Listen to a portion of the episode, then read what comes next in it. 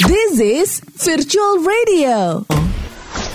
Sobat virtual, ketika demonstrasi memprotes kematian seorang warga kulit hitam Amerika ditahan polisi terus berlanjut hingga minggu ketiga, Presiden Donald Trump lewat Twitter kembali menyampaikan pandangan yang justru memicu perpecahan dan bahkan mengagungkan aksi kekerasan polisi. Pendekatan agresif ini diambil Trump ketika sebagian besar warga sedang mencurahkan rasa empati yang sangat luar biasa bagi komunitas Amerika keturunan Afrika. Rekan kami Eva Mazrieva dari VOA Washington DC melaporkan untuk Anda. Silakan Eva. Video seorang laki-laki berusia 75 tahun yang didorong polisi di Buffalo, New York viral pekan lalu. Dua polisi yang terlibat dalam aksi itu telah didakwa melakukan serangan tingkat dua. Tetapi Presiden Donald Trump hari Selasa memicu kembali kontroversi dengan mencuit video dari kantor berita sayap kanan yang menyajikan teori konspirasi yang tidak terbukti bahwa laki-laki itu sedang berupaya memblokir peralatan komunikasi polisi. Trump mengatakan laki-laki itu merupakan provokator Antifa dengan mengatakan ia tersungkur lebih keras dibanding dorongannya.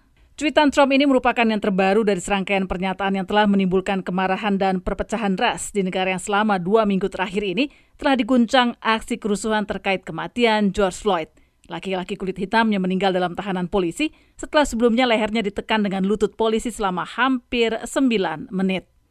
Norman Ornstein, peneliti di American Enterprise Institute mengatakan, This is not a president who is capable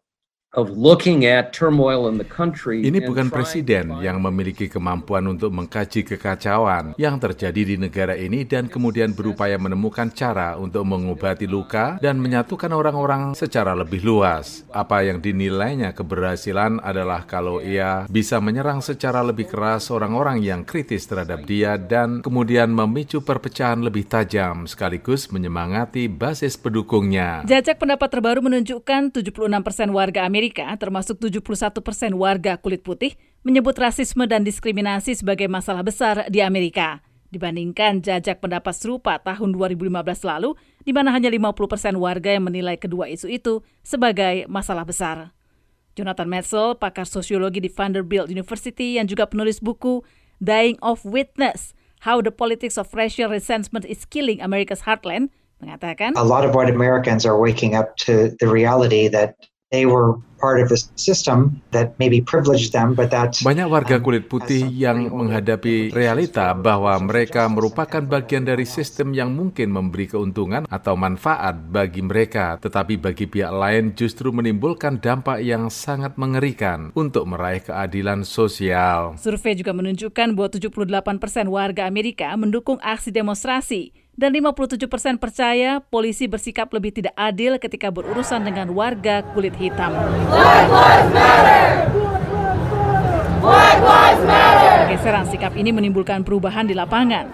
Sejumlah wali kota kini setuju untuk menyalurkan anggaran bagi polisi untuk layanan sosial, gagasan yang beberapa tahun lalu dianggap radikal.